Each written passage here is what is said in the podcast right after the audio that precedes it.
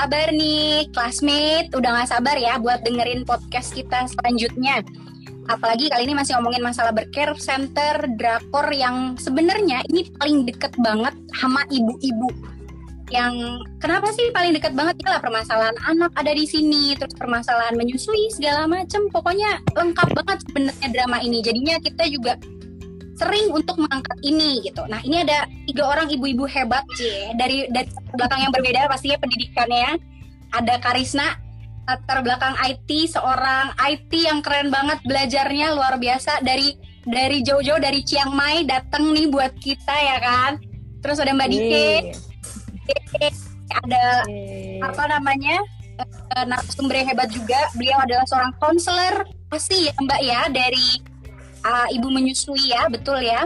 Iya. Ada Bunda, Bunda Intan. Ini juga keren abis. Kalau misalkan uh, kita anaknya dua, tiga aja udah pada berisik, udah pada rese gitu kan, kita udah bete. Tapi Bunda yang satu ini anaknya berapa? Kalah loh pemain sepak bola 12 ya kan? Plus cadangan berarti. satu cadangan betul ya kan? Nah, bagaimana pengalaman beliau mengurus 12 anak hebatnya? Yuk kita dengerin aja. Apa kabar nih? Narasumberku yang keren-keren tiga ini Mbak Risna, Mbak Rike, Mbak apa Bunda Intan. Boleh dulu say hello met kita. Halo, annyeong. Hanya Bunda, uh, jujur banget nih buat saya gitu, saya pribadi ngaku banget uh, biasa bisa wawancari Bunda sekarang gitu ya.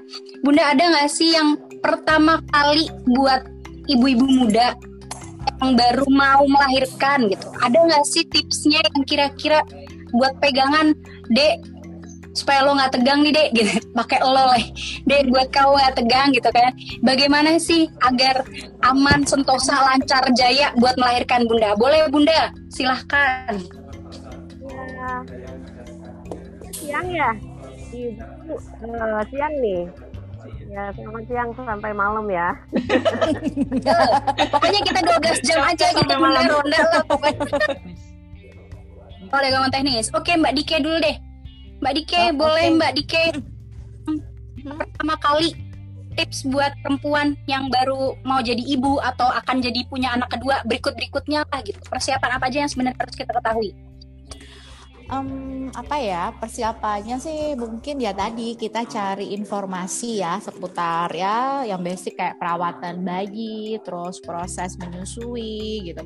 Kalau pengalamanku dulu selain ikut kayak kelas edukasi menyusui ataupun seminar-seminar parenting gitu aku juga ikut ini apa kelas kelas ini senam hamil ya kan? Nah itu kan penting banget tuh yang kayak di berkat center tuh kan sebenarnya senam hamil itu benar-benar membantu loh ketika kita nanti dalam proses uh, melahirkan itu. Pengalaman banget itu ketika aku ngelahirin anak kedua. Jujur itu lebih effortnya tuh lebih tinggi dibandingkan anak pertama. Jadi pembukaan yang lama gitu ya udah udah siap gitu udah keden berkali-kali udah tinggal nongol nggak keluar-keluar. Jadi beragam posisi untuk melahirkan itu yang diajarin di kelas senam hamil sampai teknik pernafasan itu benar-benar membantu. Jadi emang ya harus disempatkan lah ya. Ikut senam hamil itu pun kan nggak selama hamil ya. Ketika kehamilan udah tujuh bulan ke atas kayaknya ya senam hamil itu pun cuman seminggu sekali gitu. Jadi buat calon ibu gitu itu penting banget gitu. Karena kalau pengalamanku sih emang membantu. Itu kalau dari segi yang persiapan akan melahirnya kan ya. Kalau di drama kita itu kan sulit tuh ya uh, si Yeji itu melahirkannya ya. Uh, dia nggak nggak tahu tuh teknik apa mengejar teknik pernafasan. Dia daftar daftar senam hamil tapi mesti diwakilin suaminya kan. Jadi jadi ketika uh, uh, harusnya kan ketika di dia kan lumayan ya kehamilannya bisa dibilang cukup beresiko karena udah usia usia berapa 40 tahun gitu kan ya. Terus itu kehamilan hmm. pertama. Nah, dan harusnya memang dia punya bekal untuk itu prepare buat persiapannya itu. Nah salah satunya emang uh, buat lancar melahirkan itu adalah senam hamil itu sih. Kalau pengalaman aku kayak gitu. Nanti selain itu ya tadi kayak kelas edukasi menyusui gitu ya. Gimana uh, proses basic yang paling basic tuh tentang menyusui kayak gitu Jadi sih ada ya ada dua itu sih yang penting ya kalau pengalamanku. Boleh Bunda, silakan Bun. Jadi 12 putra putri Bunda itu kan uh, ya 12 pengalaman ya 12 kali pengalaman. Nah itu uh, mungkin kalau Mbak Deka benar itu ada apa uh, senam hamil ya. Iya. Tapi Bunda karena, karena karena sibuk gitu kan ngepel aja di rumah gitu. Iya benar-benar. Iya iya iya itu juga sih yang kayaknya ya. Iya ngepel di rumah. Kemudian kan uh, posisi lokasi tempat tinggal kami itu kan gunung. Jadi turun naik turun naik gitu. Ah, itu juga udah mempercepat proses persalinan ya. Nah malah yang uh, putri bunda yang nomor 9 itu lahir di rumah. Hmm. Itu lahir di rumah, ditolong oleh orang-orang rumah. Seperti itu. Ya intinya mah apa yang disampaikan oleh Mbak Deka itu sangat setuju sekali ya. Artinya ada istilahnya senam hamil ya. Tapi mungkin itu untuk masyarakat yang tinggal di kota ya yang jarang Kalau bergerak gitu ya. Oh iya iya. masyarakat yang di pedalaman gitu ya. Nah, Bunda termasuk Kabupaten Bandung itu kalau masyarakat mah ya rada ini.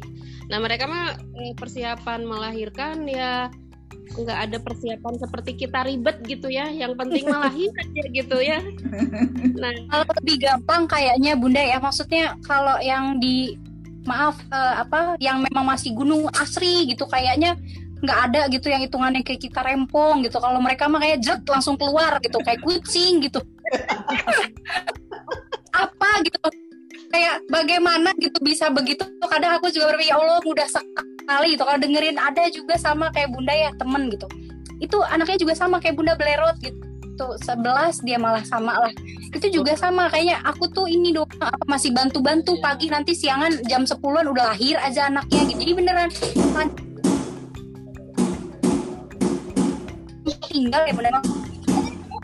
Naik turun gunung terus apa aktivitas dengan ini jadi olahraganya itu gitu apa bagaimana bun? Ya mungkin salah satunya pertama kan ya udaranya juga seger ya hmm. udaranya segar kemudian hmm. aktivitas aktivitasnya kan naik turun gunung gitu ya kerja gitu biasa aja gitu aktivitas sehari-hari dan kemudian uh, suasana di gunung itu kan orang nggak ada kompetisi ya artinya kompetisi kecil-kecilan lah uh, kehidupannya normal lah di kampung seperti itu nah adapun uh, bunda itu anak pertama, kedua, ketiga, dan keempat sampai kelima itu kan di kampus bu di di Jogja. Jadi oh, pas mau melahirkan kuliah bun. Iya. Jadi pas mau melahirkan kembali ke Bandung. Ah nanti kembali lagi ke Jogja gitu. Jadi eh, anak pertama, kedua, ketiga, keempat, kelima lulus itu anaknya lima. My God. Jaraknya berapa tahun sih Bun? Kalau boleh tahu dari dari dari 12 tuh berapa berapa? Jadi aku bisa membayangkan oh berarti nggak ada liburnya bunda tuh kan berarti. Mantap. Jadi saya langsung merasakan repotnya bagaimana gitu kan? Bunda itu anak pertama sama anak kedua berpikirnya sesuai dengan kampanye yang selalu digaungkan oleh pemerintah gitu ya bahwa kalau kita menyusui itu tidak akan eh, apa sedangkan uh, hamil. gitu. Nah bunda itu menyusui menyusui gitu. tapi anak usia anak pertama usia enam bulan kok udah hamil lagi gitu. Bayangkan itu. Anak pertama usia enam bulan itu hamil. Anak yang kedua. Karena yakin banget hmm. ya karena yakin banget kalau uh, kalau menyusui itu bisa jadi oh. tidak akan terjadi pembuahan katanya gitu ya. Benar nggak? Hmm, teorinya sih gitu bunda betul betul. Pernah dengar pernah dengar itu pernah dengar juga. Nanti kita tanya apa konselor asinya apakah seperti itu kita bisa tuh nanti tuh. Boleh boleh. Jadi anak pertama baru usianya enam bulan, bunda udah hamil. Anak yang kedua, bayangkan aja, Itu masih itu menyusui, padahal full ASI ya bunda ya. Full maksudnya anaknya benar-benar menyusui doang. Enggak, maksudnya belum belum dikasih makanan tambahan kan? Belum enam bulan ya. belum, belum, belum, belum sama sekali. Waktu mau menyapih itu, supaya kandungan bunda normal, khawatir tidak terjadi macam-macam kan. Anak itu kan harus disapih. Aduh nangisnya berbulan-bulan itu kasihan ngelihat anak disapi baru usia 8 bulan disapi. Aku tuh eh, bundanya nangis, bayinya nangis, bunda nangis, bayi nangis gitu kan. Aduh sedih banget, sedih banget. Jadi ba- bayinya itu baru usia sekitar 8 bulan lah itu disapi karena sudah isi sudah isi anak yang kedua gitu. Ya karena ada resiko memang walaupun walaupun Iya bunda kasihan apa. kasihan ke anak yang nomor kedua nanti kan istilahnya teh rebutan ya tapi dalam praktek ada juga sih yang eh, anak kedua eh, dan anak keduanya aktif menyusui dan kemudian anak pertama dan anak kedua bareng-bareng nyusu Ya Hmm, ada. di tandem ya istilahnya ya ada ada memang Hmm. seperti kita Jadi aku motong nanya, ikut nanya. Jadi boleh boleh silakan silakan 8 bulan eh, anak yang pertama disapih. Eh, terus waktu apa namanya? Waktu lahir anak yang kedua itu akhirnya gimana? dilanjut nggak gitu ya dilanjut nggak Iya. anak yang pertamanya minta lagi apa gimana? udah langsung sampai udah dikasih formula Oh anak kedua susu formula. kasih susu formula apa ya? Mereknya nggak tahu. Bukan bukan. Alasannya waktu itu kenapa bunda? akhirnya memberikan susu kok.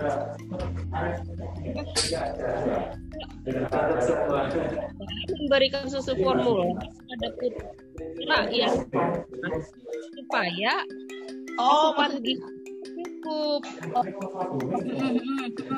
kalau nggak dikasih gimana? Nggak kan bisa menyusui sama ibunya. Ya ya belum belum setahun. Enggak aku pikir anak kedua jadinya nggak dikasih asi gitu loh. Ya Anak- aspul anak pertamanya kak yang tadi karena 8 bulan di sapi itu jadi pakai susu formula dulu gitu. Jadi anak kedua baru sama bunda gitu asi lagi. Ya bun ya betul ya? Betul, ya bun ya? Anak kedua itu asi sampai usia satu setengah tahun lah Hmm. hmm. dan itu Cuman mbak Dike menghilang. Mbak Dike menghilang. Mungkin lagi ada tugas negara. Ya nggak apa-apa. Bunda aja lanjut lagi ceritanya. Terus anak-anak kedua sampai satu setengah tahun itu dia isi lagi bun. Apakah isi lagi? Pertanyaannya sama. Eh, enggak lah ada jarak dua tahun kalau nggak salah. Ah, ada jarak dua tahun.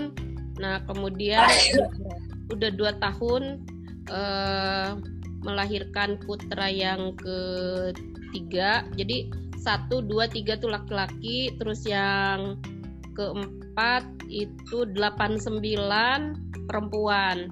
Ya semuanya eh, asi mbak. Semuanya asi semuanya asi ya? Kecuali yang nomor satu itu karena orang Jawa mah bilang sundulan ya. Sundulan itu apa? Ada yang ngerti istilah hmm, sundulan. Cundulan Aku kurang mengerti. Sundulan itu ya itu. Saatnya punya adik gitu dia eh, si ibunya udah mau punya hamil. adik punya adik lagi.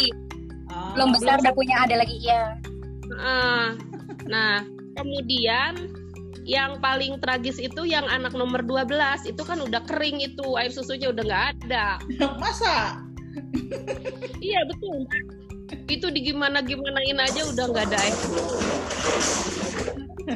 anak nomor 10 prematur.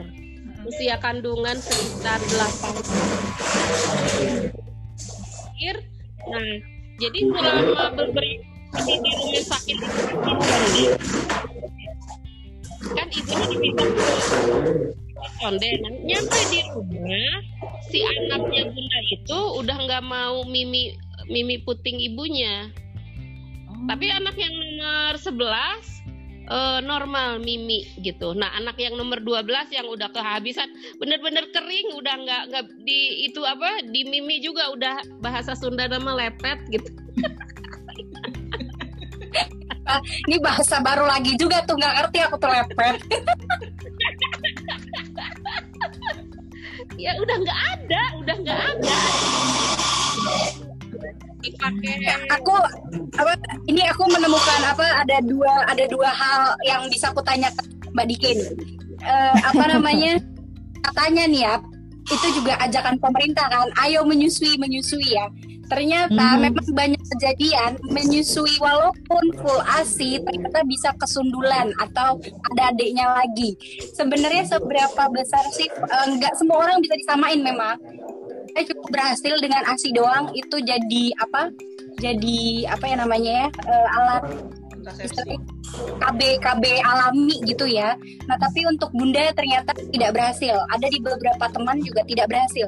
Nah Mbak Dike sebenarnya pengaruh kita menyusui dan akhirnya kita bisa hamil lagi. Terus yang kemudian mungkin bunda dari anak pertama sampai ke 12 itu kan ada faktor usia juga ya. Jadi tadi itu tadi kan ya jadi benar tuh pengaruh usia juga akhirnya mempengaruhi produksi ASI gitu. Jadi mungkin uh, ada beberapa hal juga yang bisa jadi kapan sih susu formula itu akhirnya boleh diberikan kepada anak supaya tidak membahagiakan begitupun kadang kan kita kalau kalau untuk beberapa ibu kadang uh, karena tidak pernah mengasihi gitu akhirnya merasa ah, aku bukan ibu yang seutuhnya gitu karena anakku susu formula anak kayak gitu-gitu boleh nih Mbak Diki kita dengarkan pendapatnya gitu. Luar biasa banget ya ceritanya Bunda Intan ini. Eh, aku mau bahas yang ini KB alami ya. Apakah menyusui itu bisa jadi KB alami? Ah, sebenarnya ini juga masih belum ini ya keakuratannya ya KB apa pun itu tuh nggak 100% gitu ya KB apa pun itu. Tapi untuk menyusui sebagai KB alami itu ada tiga tuh syaratnya supaya bisa kayak gitu. Yang pertama tadi apakah benar-benar eksklusif artinya cuman ASI dan hanya ASI. Eh, Kak, selain itu kan menyusui dan itu hanya direct breastfeeding atau menyusui secara langsung. Jadi meskipun ASI, tapi kalau diperah dikasih media lain, nah itu udah udah nggak bisa tuh syarat pertama udah gugur. Jadi benar-benar harus yang eh, direct breastfeeding, menyusui secara langsung. Jadi walaupun nggak kok tetap tetap ASI eksklusif, nggak ada asupan lain selain ASI, tapi ah, ternyata ada momen-momen diberikan dengan asip media bantu. Nah itu udah nggak bisa tuh syarat itu. Kemudian yang kedua itu bayinya ya memang harus yang berumur kurang dari enam bulan. Nah kalau bayi udah enam bulan meskipun masih menyusui udah nggak bisa jadi KB alami kan kalau bayi udah enam bulan bayi udah MP ASI ya kan nggak cuma ASI asupannya. Nah yang terakhir KB eh, menyusui bisa jadi KB alami selama habis melahirkan itu kan ya habis masa nifas ya itu belum menstruasi lagi. Tapi kan ada tuh misalnya udah nifas tiga bulan, bulan kelima udah menstruasi. Nah meskipun masih bayi umur 6 bulan, meskipun menyusui, tapi nggak bisa buat jadi KB karena kalau udah menyusui berarti udah ada eh, udah subur lagi gitu. Kalau udah subur lagi, ya peluang untuk hamilnya juga ada lebih besar lagi. Jadi itu sih syaratnya. Jadi mending ya menggunakan kontrasepsi ya kalau untuk mencari jadi nggak bisa eh, menggunakan menyusui sebagai KB alami. Banyak kok pilihan kontrasepsi yang aman untuk ibu menyusui gitu. Jadi Hmm, gitu sih untuk yang menyusui sebagai KB alami gitu ya. Eh, Terus, itu sih kak. un- Mm-mm. untuk yang kapan istilahnya kegawatan seorang bayi dibutuhkan akhirnya susu tambahan eh, di di ag- di agregat keberapa dari indikasi 0 sampai berapa boleh nggak bocorannya? Misalkan saatnya Mm, mm, si mm. ibu menyerah untuk give up lah udahlah saya Mm-mm. punya satu-satu. Tidak asli lagi gitu. Tuh di di tahap keberapa? Kalau yang eh, eh, kalau yang sebenarnya ya yang benar banget susu formula itu baru diberikan ketika ada indikasi medis. Nah, indikasi medis itu yang menentukan pastinya dokter, ya kan? Dokter yang tahu indikasi medisnya. Nah, itu pun ketika dokter mensuges apa menyarankan untuk susu formula, biasanya untuk bayi-bayi yang secara medis memang membutuhkan susu formula, itu susu formulanya tidak dijual di pasaran secara bebas. Jadi diresepkan. Nah, itu sih kalau yang menurut uh, panduan WHO sama UNICEF ya. Jadi itu uh, kalau ukurnya seperti itu. Nah, kalau misalnya udah give up, nah kita cari tahu dulu nih give up-nya karena apa. Nah, kita bantu di situ.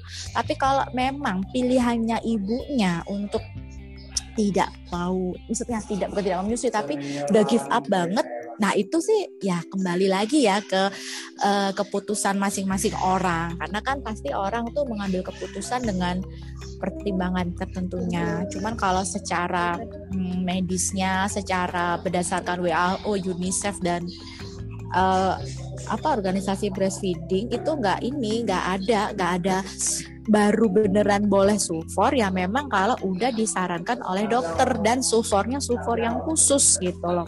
Hmm. Kalau misalnya tadi yang kayak kasusnya Bunda apa yang udah kering ya itu aku nggak nggak tahu ya Bunda itu usia berapa ya tapi belum aku mungkin yang belum pernah baca kali ya, uh, belum pernah dengar juga kalau uh, di kehamilan keberapa gitu misalnya atau usia berapa itu benar-benar nggak bisa memproduksi ASI. Tapi memang secara idealnya, secara anatominya, yang namanya ibu melahirkan pasti payudaranya juga akan menghasilkan ASI. Nah, kenapa nggak keluar? Kenapa nggak ini tuh nanti yang digali lagi? Kenapa ya? Misalnya mungkin karena uh, apa ya posisi sama pelekatannya atau ada apa ada apa itu yang perlu digali lagi tapi kalau menurut aku ketika uh, sepengetahuan aku ya kalau yang namanya ibu habis melahir meningkat ya pasti dia akan bisa payudaranya memproduksi ASI. Cuman kenapa nggak bisa keluar? Kenapa sedikit? Nah itu yang akan harus digali-gali lagi.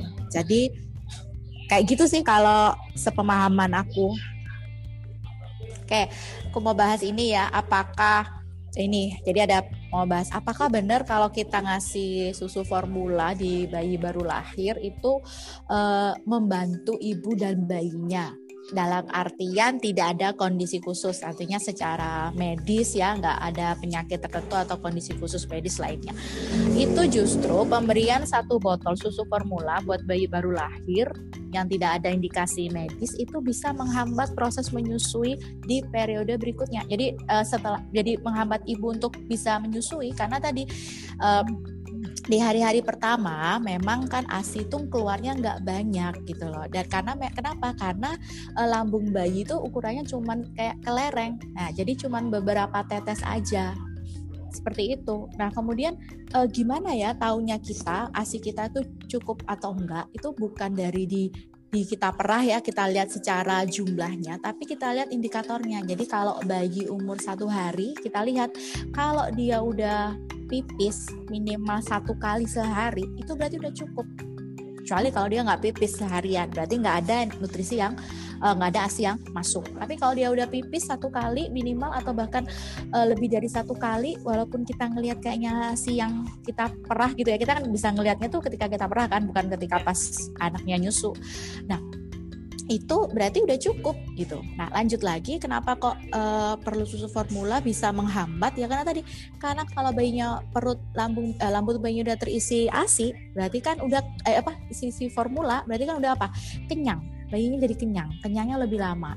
Jadi lebih sering tidur. Nah, bayi lebih sering tidur, ibu lebih sering tidak menyusui. Ibu lebih sering tidak menyusui, maka produksi ASI juga nggak akan berjalan, ya kan? Karena kan ASI itu diproduksi dengan uh, hisapan bayi ya kan? Semakin semakin yeah. jarang bayi menghisap payudara semakin jarang pula ASI itu diproduksi karena nggak di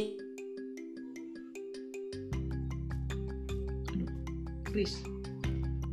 Koneksinya Mbak Dike agak freeze. Iya sinyalnya mungkin ya.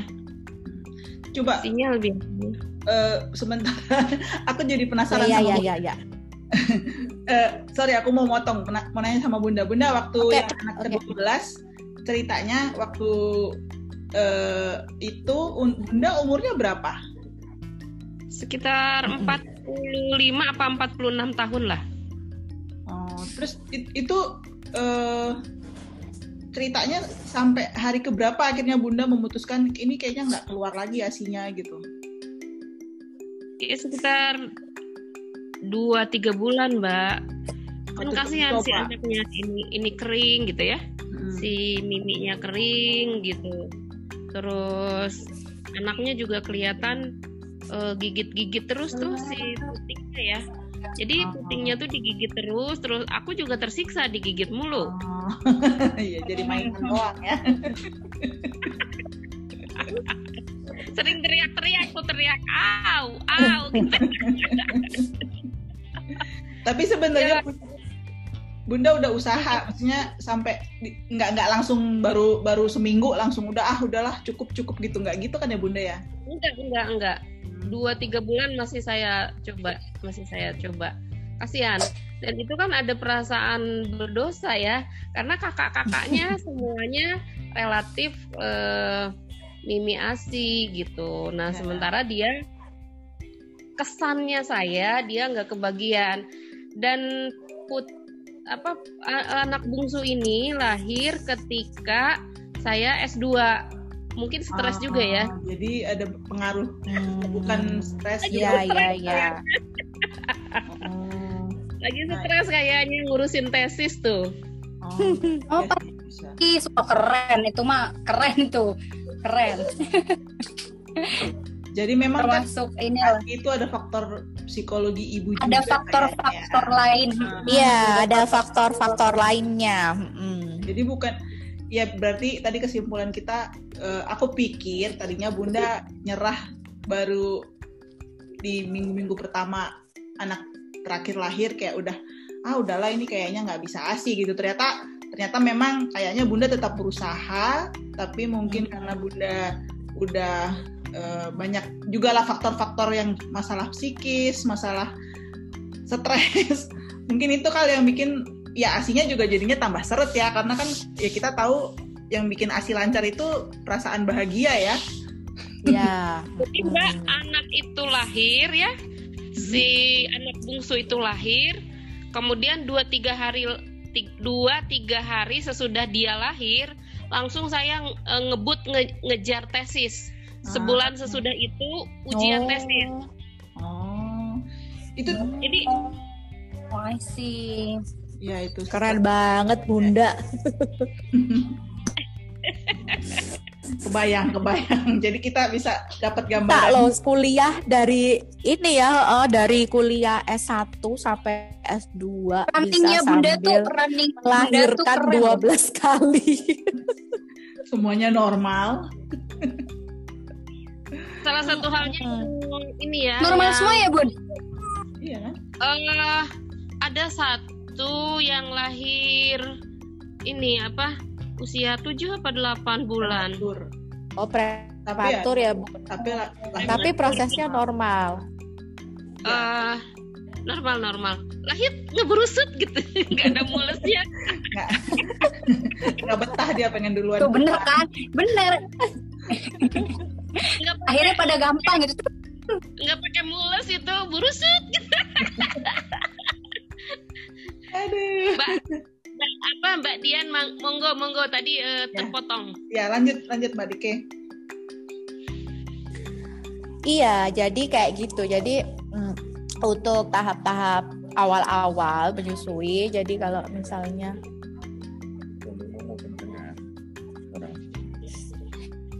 ya jadi kalau apa tahap-tahap awal itu jadi baiknya dicari dulu bantuan, cari bantuan, dicari digali masalahnya apa, kenapa nggak bisa nyusuin, kenapa nggak keluar asinya. Jadi itu dicari bantuan dulu gitu. Terus eh, kalau sama sekali nggak keluar nanti sehari lapar enggak bisa bisa bertahan bayi itu sampai 72 jam ya tapi dengan dipantau khusus jadi nggak mungkin nggak keluar sekali. Pasti keluar cuman kita nggak nggak kelihatan. Karena kan tadi cuman beberapa tetes aja udah cukup gitu loh. Jadi makanya uh, penting banget ya ketika menyusui itu memilih fasilitas kesehatan yang mendukung. Jadi baik itu perawatnya ataupun dokternya itu tetap support. Oh oke okay, bu, kita kita tunggu, kita coba dengan cara ini, cara ini, cara ini, cara ini. Jadi nggak buru-buru langsung. Oh, aduh nggak kasih uh, kasihan ya lapar seharian nggak nggak nggak dapat makan apa-apa. Kita kasih susu for nggak seperti itu. Makanya penting banget buat satu lagi ya persiapan yang sebelum melahirkan itu pentingnya kita uh, shopping. Jadi kayak shopping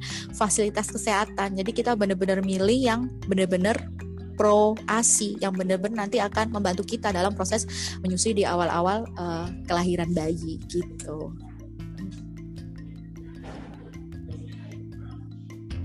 Oke, mantap.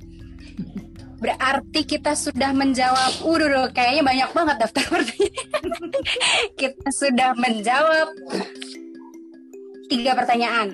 Yeah. Nah, okay. Bunda, sebagai ibu luar biasa, uh, sebelumnya teman-teman drakor kelas belum tahu nih kalau Bunda Intan adalah seorang single fighter, betul ya, Bunda ya? Ya. Iya. Uh, Bun, boleh tahu Bun, maksudnya uh, sudah berapa lama Bunda jadi apa ibu tunggal Bunda dari 12 putra putri Bun? Sejak Lebih tahun kurang, berapa gitu maaf? Lebih kurang enam tahun. Oh, 6 sudah. tahun. tuh luar biasa.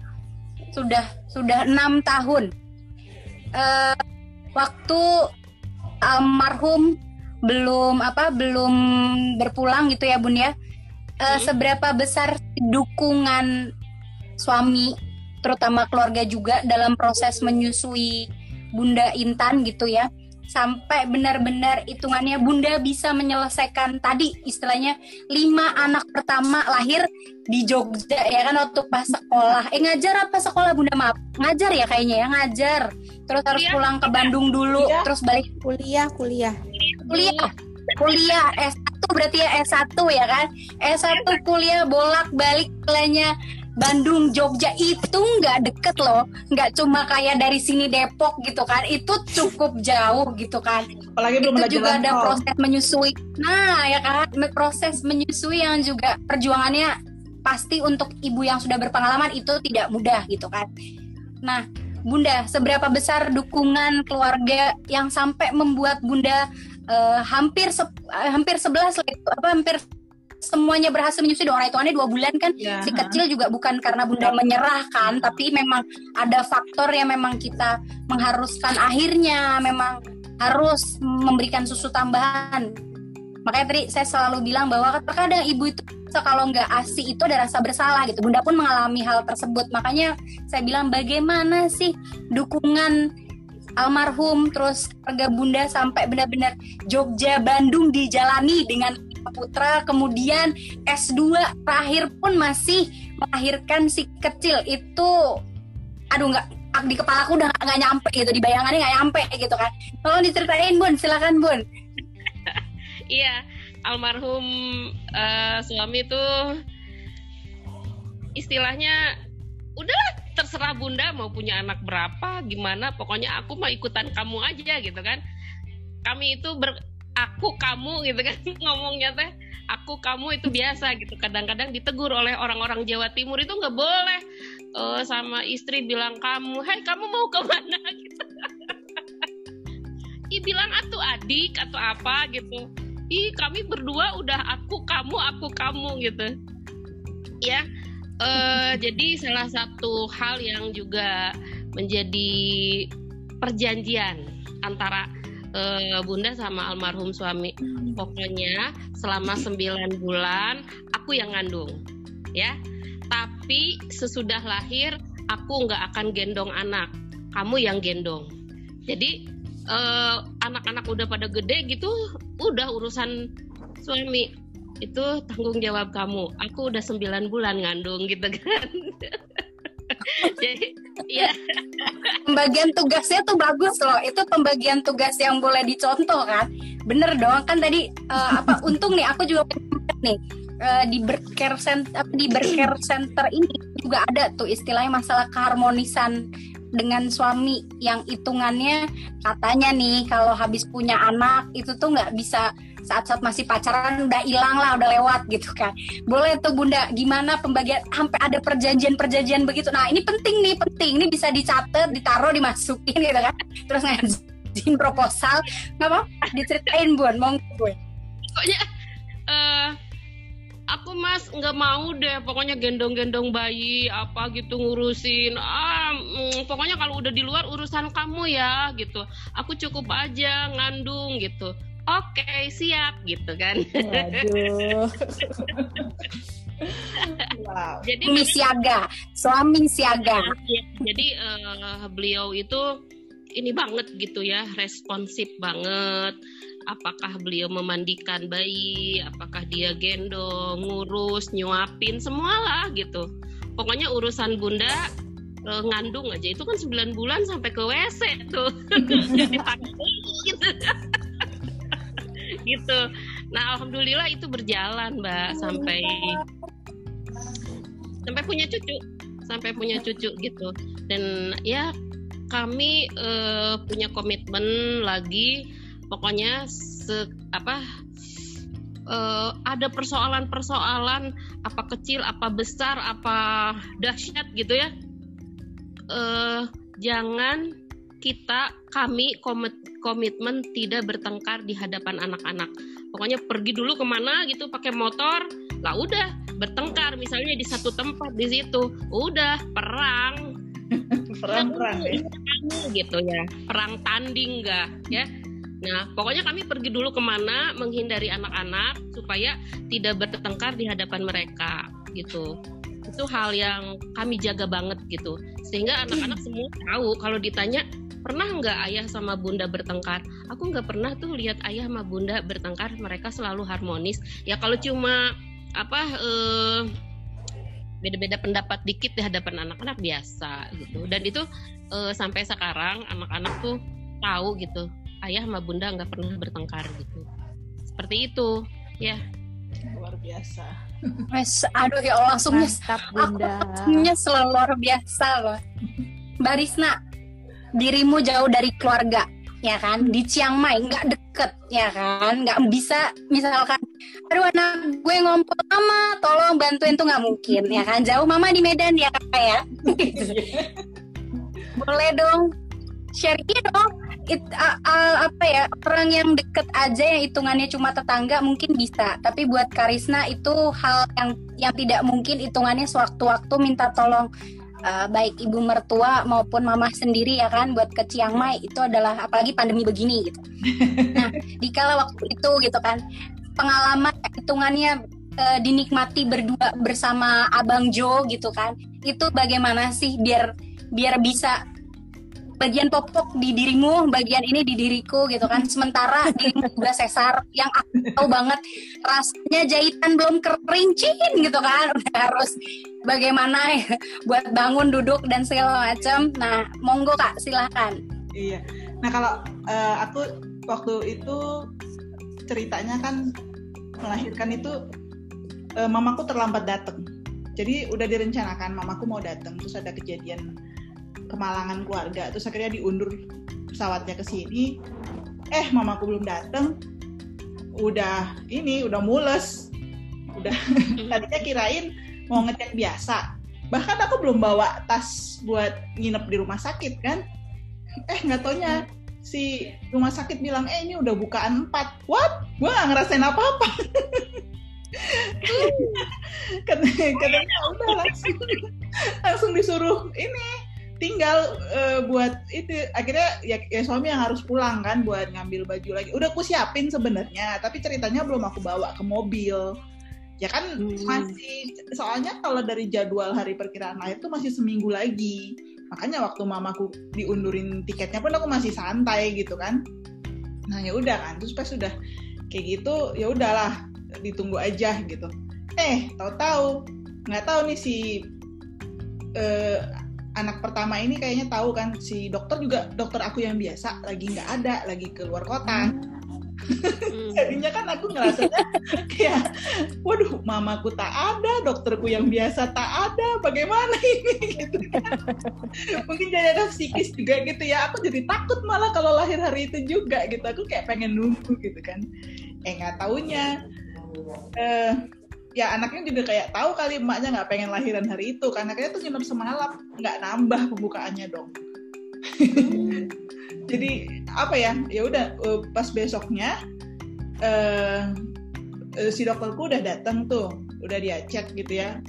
Tahu tahu ketubanku udah kering. Terus udah gitu eh, dia ini lagi. Ya udah kita tunggu aja. Aku akhirnya di, diinduksi nih. Diinduksi udah terasa tuh semua mulus-mulus apa gitu tapi pembukaan nggak nambah. Akhirnya malah aku sampai aku demam. Sudah aku demam si dokter bilang ini gimana? Masih mau nunggu atau mau gimana gitu? Lah aku udah demam terus heartbeat anakku udah nggak teratur katanya kan. Ya aku mikir wah ini gimana gimana gitu kan. Ya kalau suami sih bilang ya terserah. Eh, kita kan udah usaha buat lahiran normal. Tapi kalau memang membahayakan ya udah nggak apa-apa lah. Sesar juga nggak apa-apa. Kita toh maksimal kita punya anak nanti tiga kok kalaupun mau maksimal kan waktu itu mikirnya gitu ya. Si dokternya masih nanya lagi. Dokternya memang pro dengan lahiran normal banget ya. Makanya aku Hmm. uh, pilih sama dia gitu. Terus dokternya nanya kamu yakin mau sesar aja gitu udahlah dokter daripada gue nya nggak selamat anak gue nggak selamat udahlah nggak apa-apa lah sesar juga nggak apa-apa gitu kan. Udah gitu aku sesar nah itu tapi uh, untungnya tuh itu rumah sakitnya staffnya semuanya pro asi semua semuanya itu juga biarpun aku kan juga mengalami masalah bahasa ya ceritanya lahiran di Thailand itu yang cuma bisa bahasa Thailand tuh aku suamiku bisanya bahasa Inggris. Sedangkan staff medical di sana eh, bahasa Inggrisnya itu limited terbatas gitu jadi aku udah aku yang di operasi aku yang harus nerjemahin aku yang Oh my god, itu lebih kece, itu kece juga. ya udah tapi Woman kan? Ya untungnya ya apa kalau dok dokterku bisa sih bahasa Inggrisnya. Jadi ya paling suami nanyanya sama si dokter lah ya gitu. Terus eh, jadi pas aku udah melahirkan itu yang pertama kali kangaroo care itu malahan bapaknya malahan si Joe yang eh, kangaroo care gitu. Karena kan aku masih pemulihan kan. Terus ya masalah menyusui juga di sana mereka ngajarin. Aku pikir ya waktu dulu itu menyusui itu otomatis kayak ya anak kan langsung bisa lah kan katanya ada intrik. Aku aku udah dapet eh, aku belajar juga sih soal persiapan. Aku eh, ada ikut kelas persiapan melahirkan juga untungnya. Jadi ya kayak masalah asi nggak langsung keluar itu semua aku udah tahu sih ya. Eh, dan nggak langsung panik gitu ya. Terus tapi ini kan namanya baru dioperasi kan gerak itu susah ya. Ganti popok. Jadi kan berapa kali kan dibantuin suster? Waktu eh, berikutnya kan anaknya nangis gitu ya eh, diperiksa pipis gitu. Tapannya suster yuk gitu. Tahu susternya ngomong gini ya kalian belajar dong ganti popok sendiri.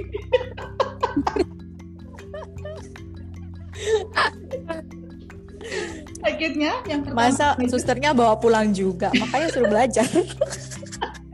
ya kan itu itu kan namanya juga masih manja ya masih itu masih masih hari kedua lah ya masih kan baru Tapi di, di berker di berker itu ada loh. ini di Berker Center Di berker juga ada loh adegannya itu ada di rumah sakit yang iya yang nangis terus ada dioper ke suster terus susternya juga ngomong halo terus ngapain dibawa ke sini? Ya lu belajar sendiri kan? Dan itu dialami ya itu dialami ya. pas nonton Berker Center itu aku agak-agak nostalgia gitu. Ih gue banget ya. Bukan atau gini sama kayak bukan cuman gue yang kayak gitu ternyata yang gitu. Terus eh, jadi yang pertama kali belajar ganti popok itu justru suami. Karena kan aku belum bisa eh, ini ya belum bisa sering-sering belum bisa gerak ya. Eh, walaupun kan sebenarnya eh, disuruhnya langsung latihan jalan kan walaupun operasi kan. Malah katanya semakin lama kita latihan itu bakal semakin susah jadi mendingan langsung ke ini latihan jalan gitu kan. Ya udah tapi kan antara jalan berdiri sama ganti popok itu kan udah lain cerita ya. Ganti popok kan harus pakai agak bungkuk-bungkuk dikit kan. Jadi udah aku bilang bantuin lah. Apa eh, eh, tak- untungnya ya termasuk suami siaga juga sih dia langsung ya udah. Jadi yang duluan belajar ganti popok sih Jo bukan aku. Ya. Ya Iya itu, untungnya dia Mantap. mau gitu. Nih poin yang poin yang diri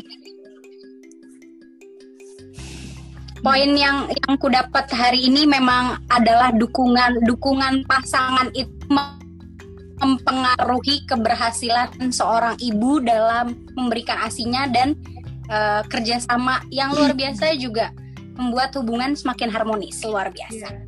Iya, Mbak tapi Dike, pernah ada pengalaman juga dimarahin suster gara-gara nggak bisa ganti popok atau gimana Karis? Gimana Karis? nggak, aku mau bilang aku kagum juga sama bunda gitu. Ternyata ada yang kayak perjanjian sebelum lahir gitu. Nggak cuma perjanjian pranikah ya. aku sih nggak pakai perjanjian sih, iya, tapi, tapi kita juga, Eh, eh, aku juga tuh makanya aku baru tahu orang iya maksudnya ya udah udah tahu sih suami bakal support ya. dan itu nggak pernah ada ke, ke- Aduh. Pokoknya gendong oh makanya tapi ini loh apa namanya nggak pernah ada di gitu kan. Kalau anak-anak gitu bakal gendong, ada tipikal yang hitungannya harus ada perjanjian gitu. Oh mungkin perlu dibikin perjanjian sih lebih baik.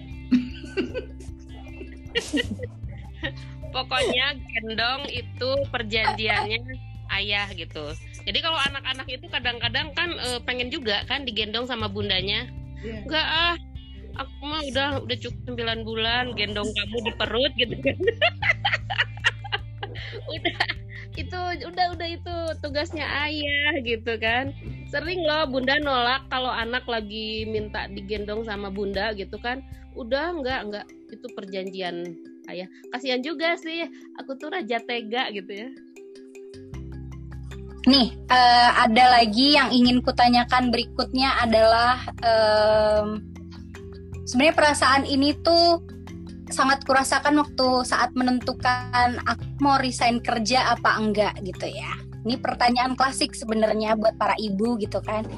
Eh, emang bisa ha- habis punya anak gitu kan harus jadi IRT ya gitu atau eh, apa aku balik kerja lagi ya? Tapi nemuin pengasuh tuh nggak nggak nggak semudah membalikan telapak tangan gitu loh.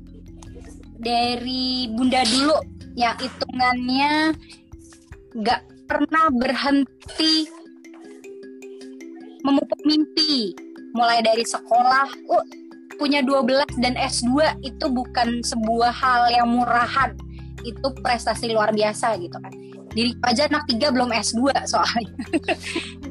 Bunda. Untuk permasalahan kelas bunda.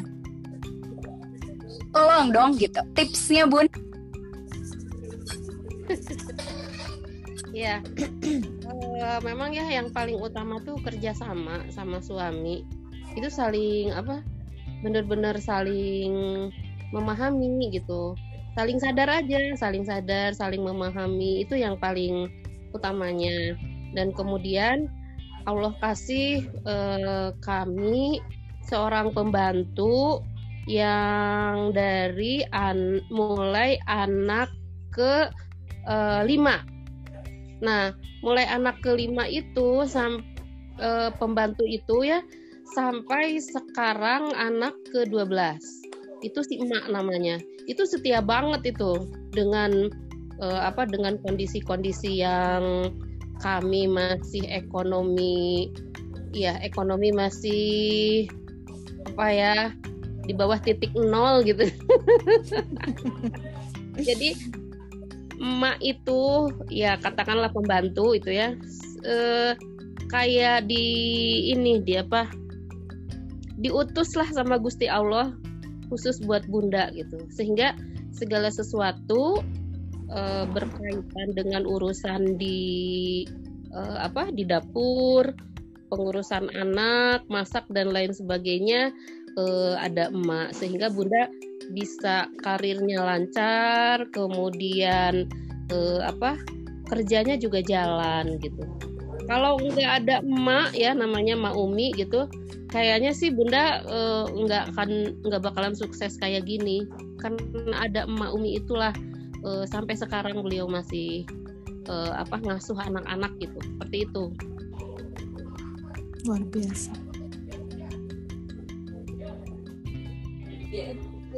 Buat Mbak Dike, dirimu juga seorang guru. Wah, mantap ini ya kan? Ada tipsnya buat berbagi? Kalau aku ya sama sih ya kayak bunda. Cuman kan emang eh, tadi ya apa habis melahirkan itu jadi IRT gitu ya.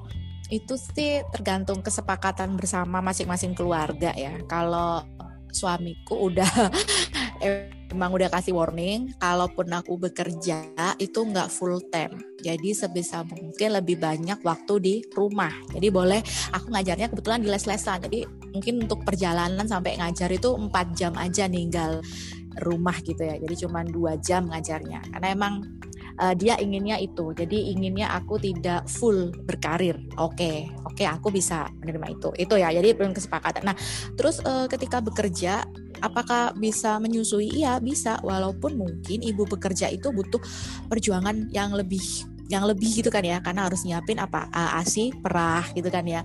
Harus nyiapin asi perah. Apakah di kantor itu ada fasilitasnya? Kayak ruang menyusui. Untuk beberapa kantor besar yang udah mengerti itu pasti ada ruang menyusui. Tapi ada juga yang nggak ada. Jadi perjuangannya biasanya di musola gitu ya. Musola sih masih nggak apa-apa tapi yang lebih menyedihkan lagi sampai harus pumping di toilet. Nah itu juga perjuangannya ibu bekerja ya untuk bisa tetap menyusui. Itu PR-nya satu nyiapin asip yang kedua nyiapin uh, ini yang mengasuh. Tadi kan ya harus cari pengasuh. Nah kebetulan sih uh, aku selalu didampingin orang tua. Jadi dulu awal-awal baru menikah masih numpang ya di rumah ibu mertua.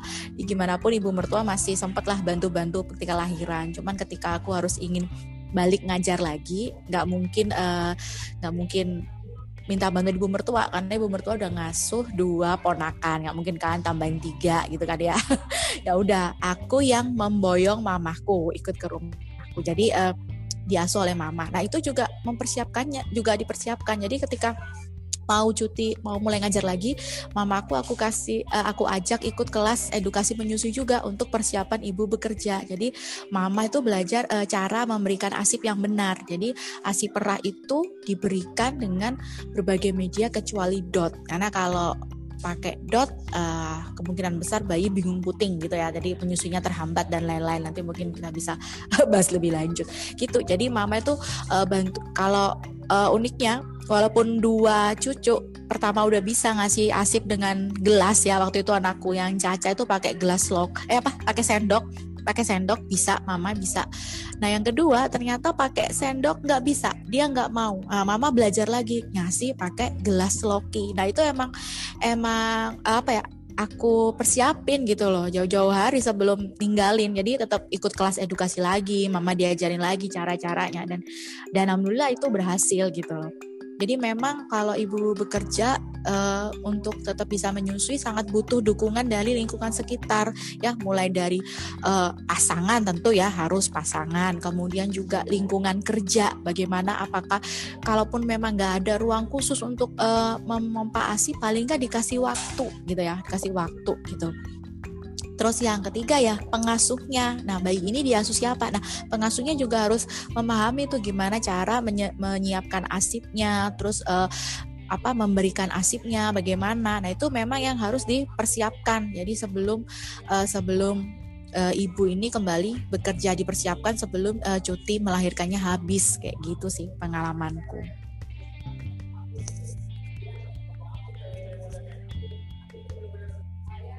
Karisna, pernah ada pengalaman?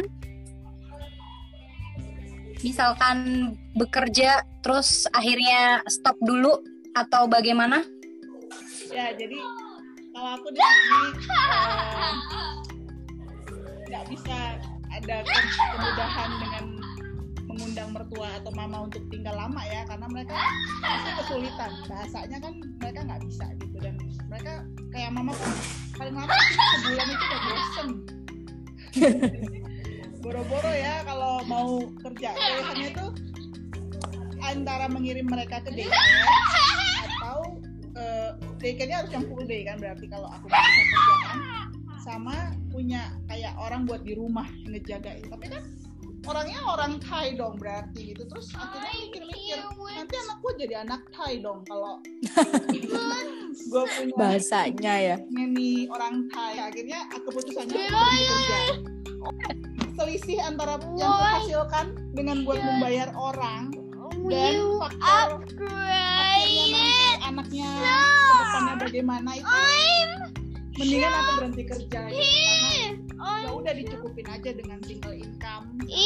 I'm just well and in bilang, 10 "Yaudah minutes. nanti kalau anak-anak udah Age besar now. mungkin kalau mau balik kerja ya bisa. 40 cuman ya kita lihat saja.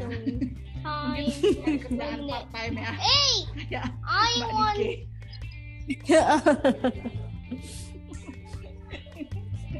Anaknya, Tapi tapi sebenarnya eh, mau ibu bekerja maupun enggak tuh kita bekerja loh ya kan? Bener ya. Nah, terutama bunda tuh yang hitungannya nge-tweet aja dapat duit bun. Wow ulala loh. Itu aku belum ilmunya kadang kayaknya harus di lain hari ya kita berbagi banget itu ilmunya.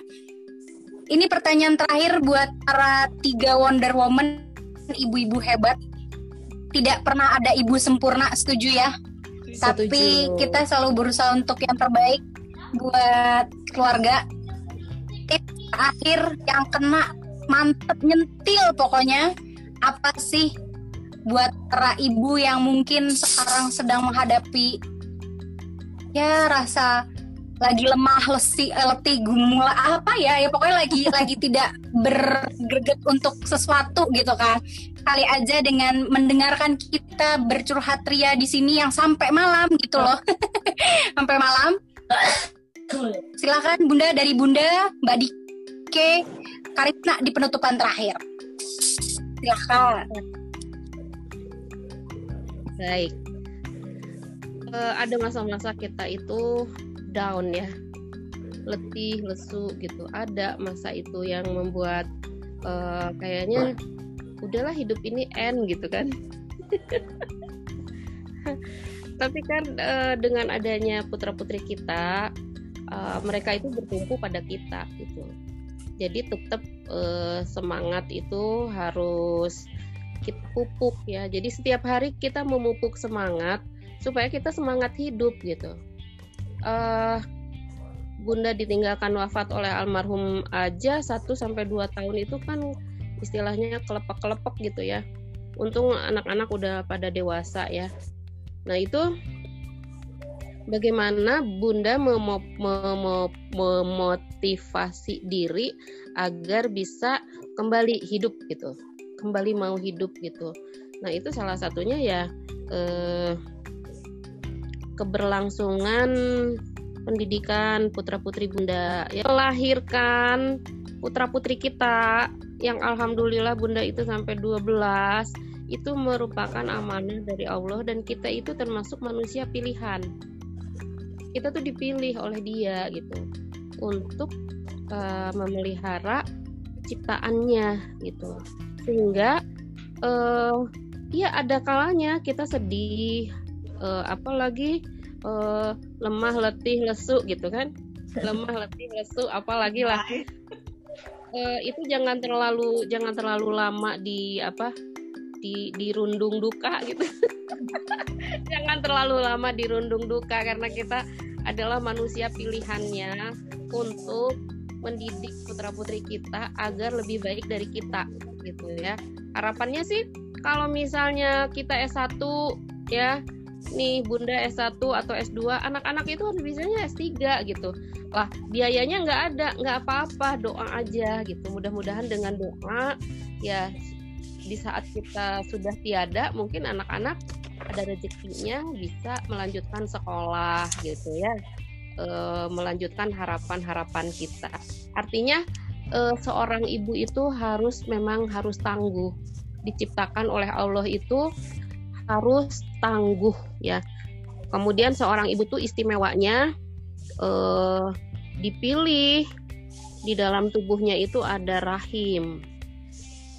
Nggak ada tuh di tubuhnya laki-laki namanya rahim, tapi di tubuh perempuan itu ada yang namanya rahim. rahim itu kan salah satu asma Allah ya jadi kita tuh yang eh, apa punya rejeki ya rejeki itu kan rejeki dari Allah melahirkan anak-anak kita laki-laki perempuan ataupun laki-laki aja nggak apa-apa sama nah itu artinya kita sebagai makhluk pilihan ya yang namanya makhluk pilihan harus hebat gitu Mantap. Mbak Dike, dilanjut. Iya. Aku udah tinggal ini aja, udah nyiapin tisu. Ntar kalau tiba-tiba berembes mili. Heeh.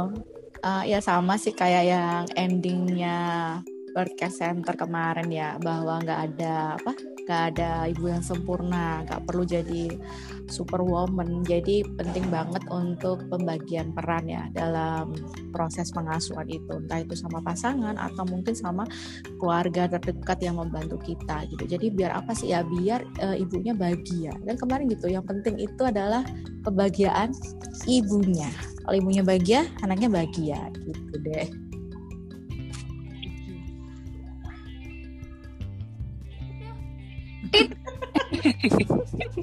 Udah singkat Pikir aja. masih panjang ini mau put catat Enggak, Ini enggak, put enggak. catat loh.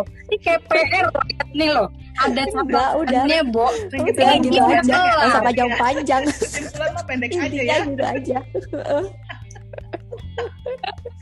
Sampai bengong ya. Karisma, Kesimpulannya? udah ini kok kelar. Mau ngelanjut gitu. Udah mau kelar udah nyatet kok berhenti. Karena masih koma gitu.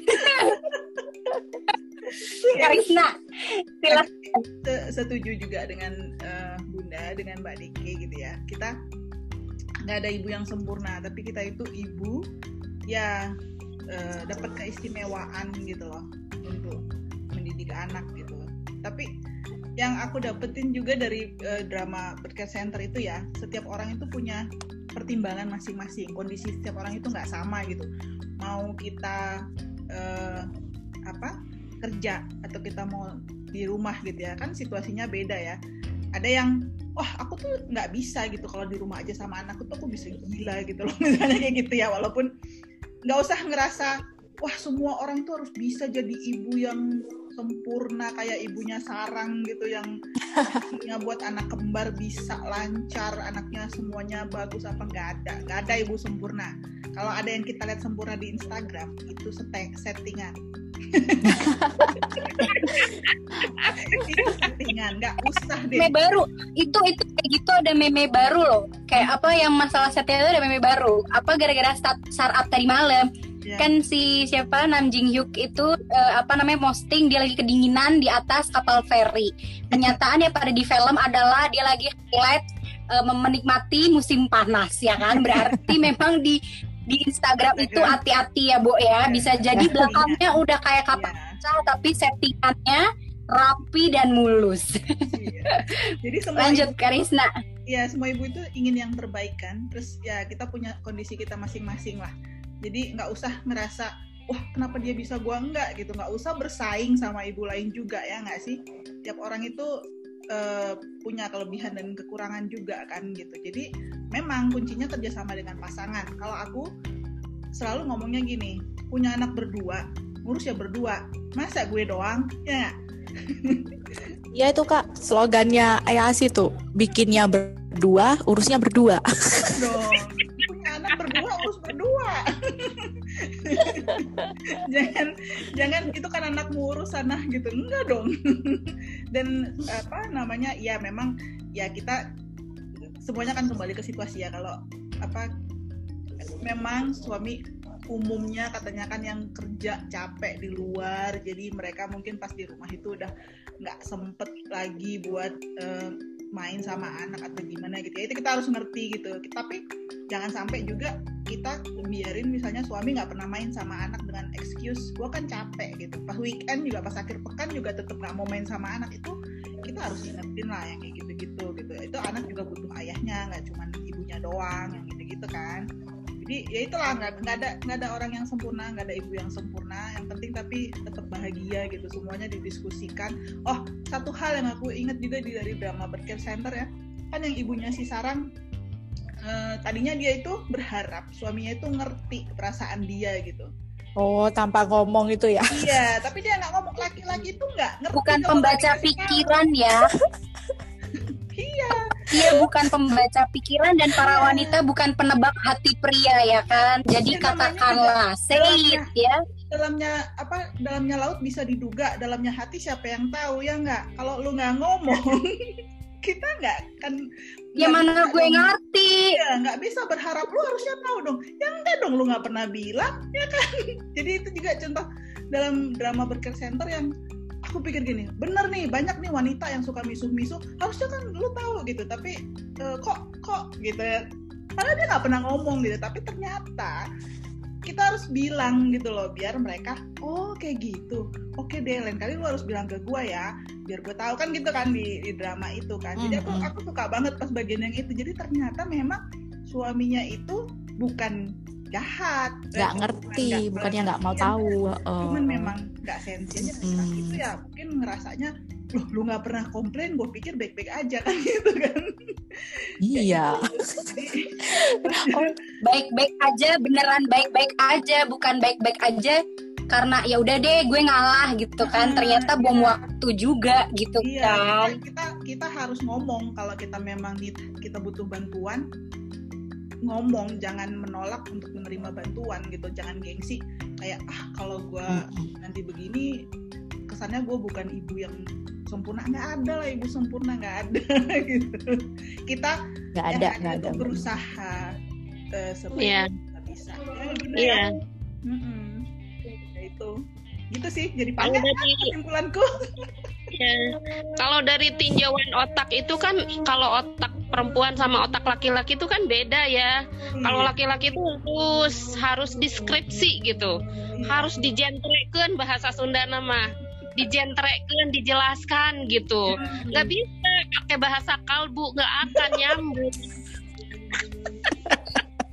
Bahasa kalbu. Kode-kode pakai kode-kode rahasia bangsanya 007 nggak nyambung ya. Nggak akan. Suami di mana pun juga pakai bahasa kalbu itu nggak nyambung. Ya, gitu. Setuju.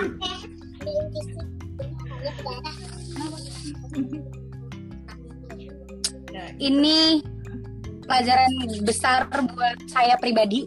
Terima kasih banget buat ketiga mama-mama hebat.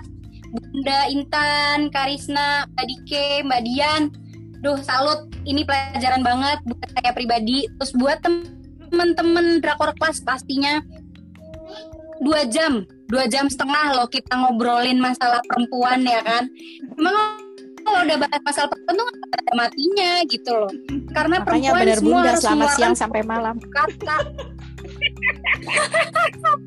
20 ribu kata ya kan?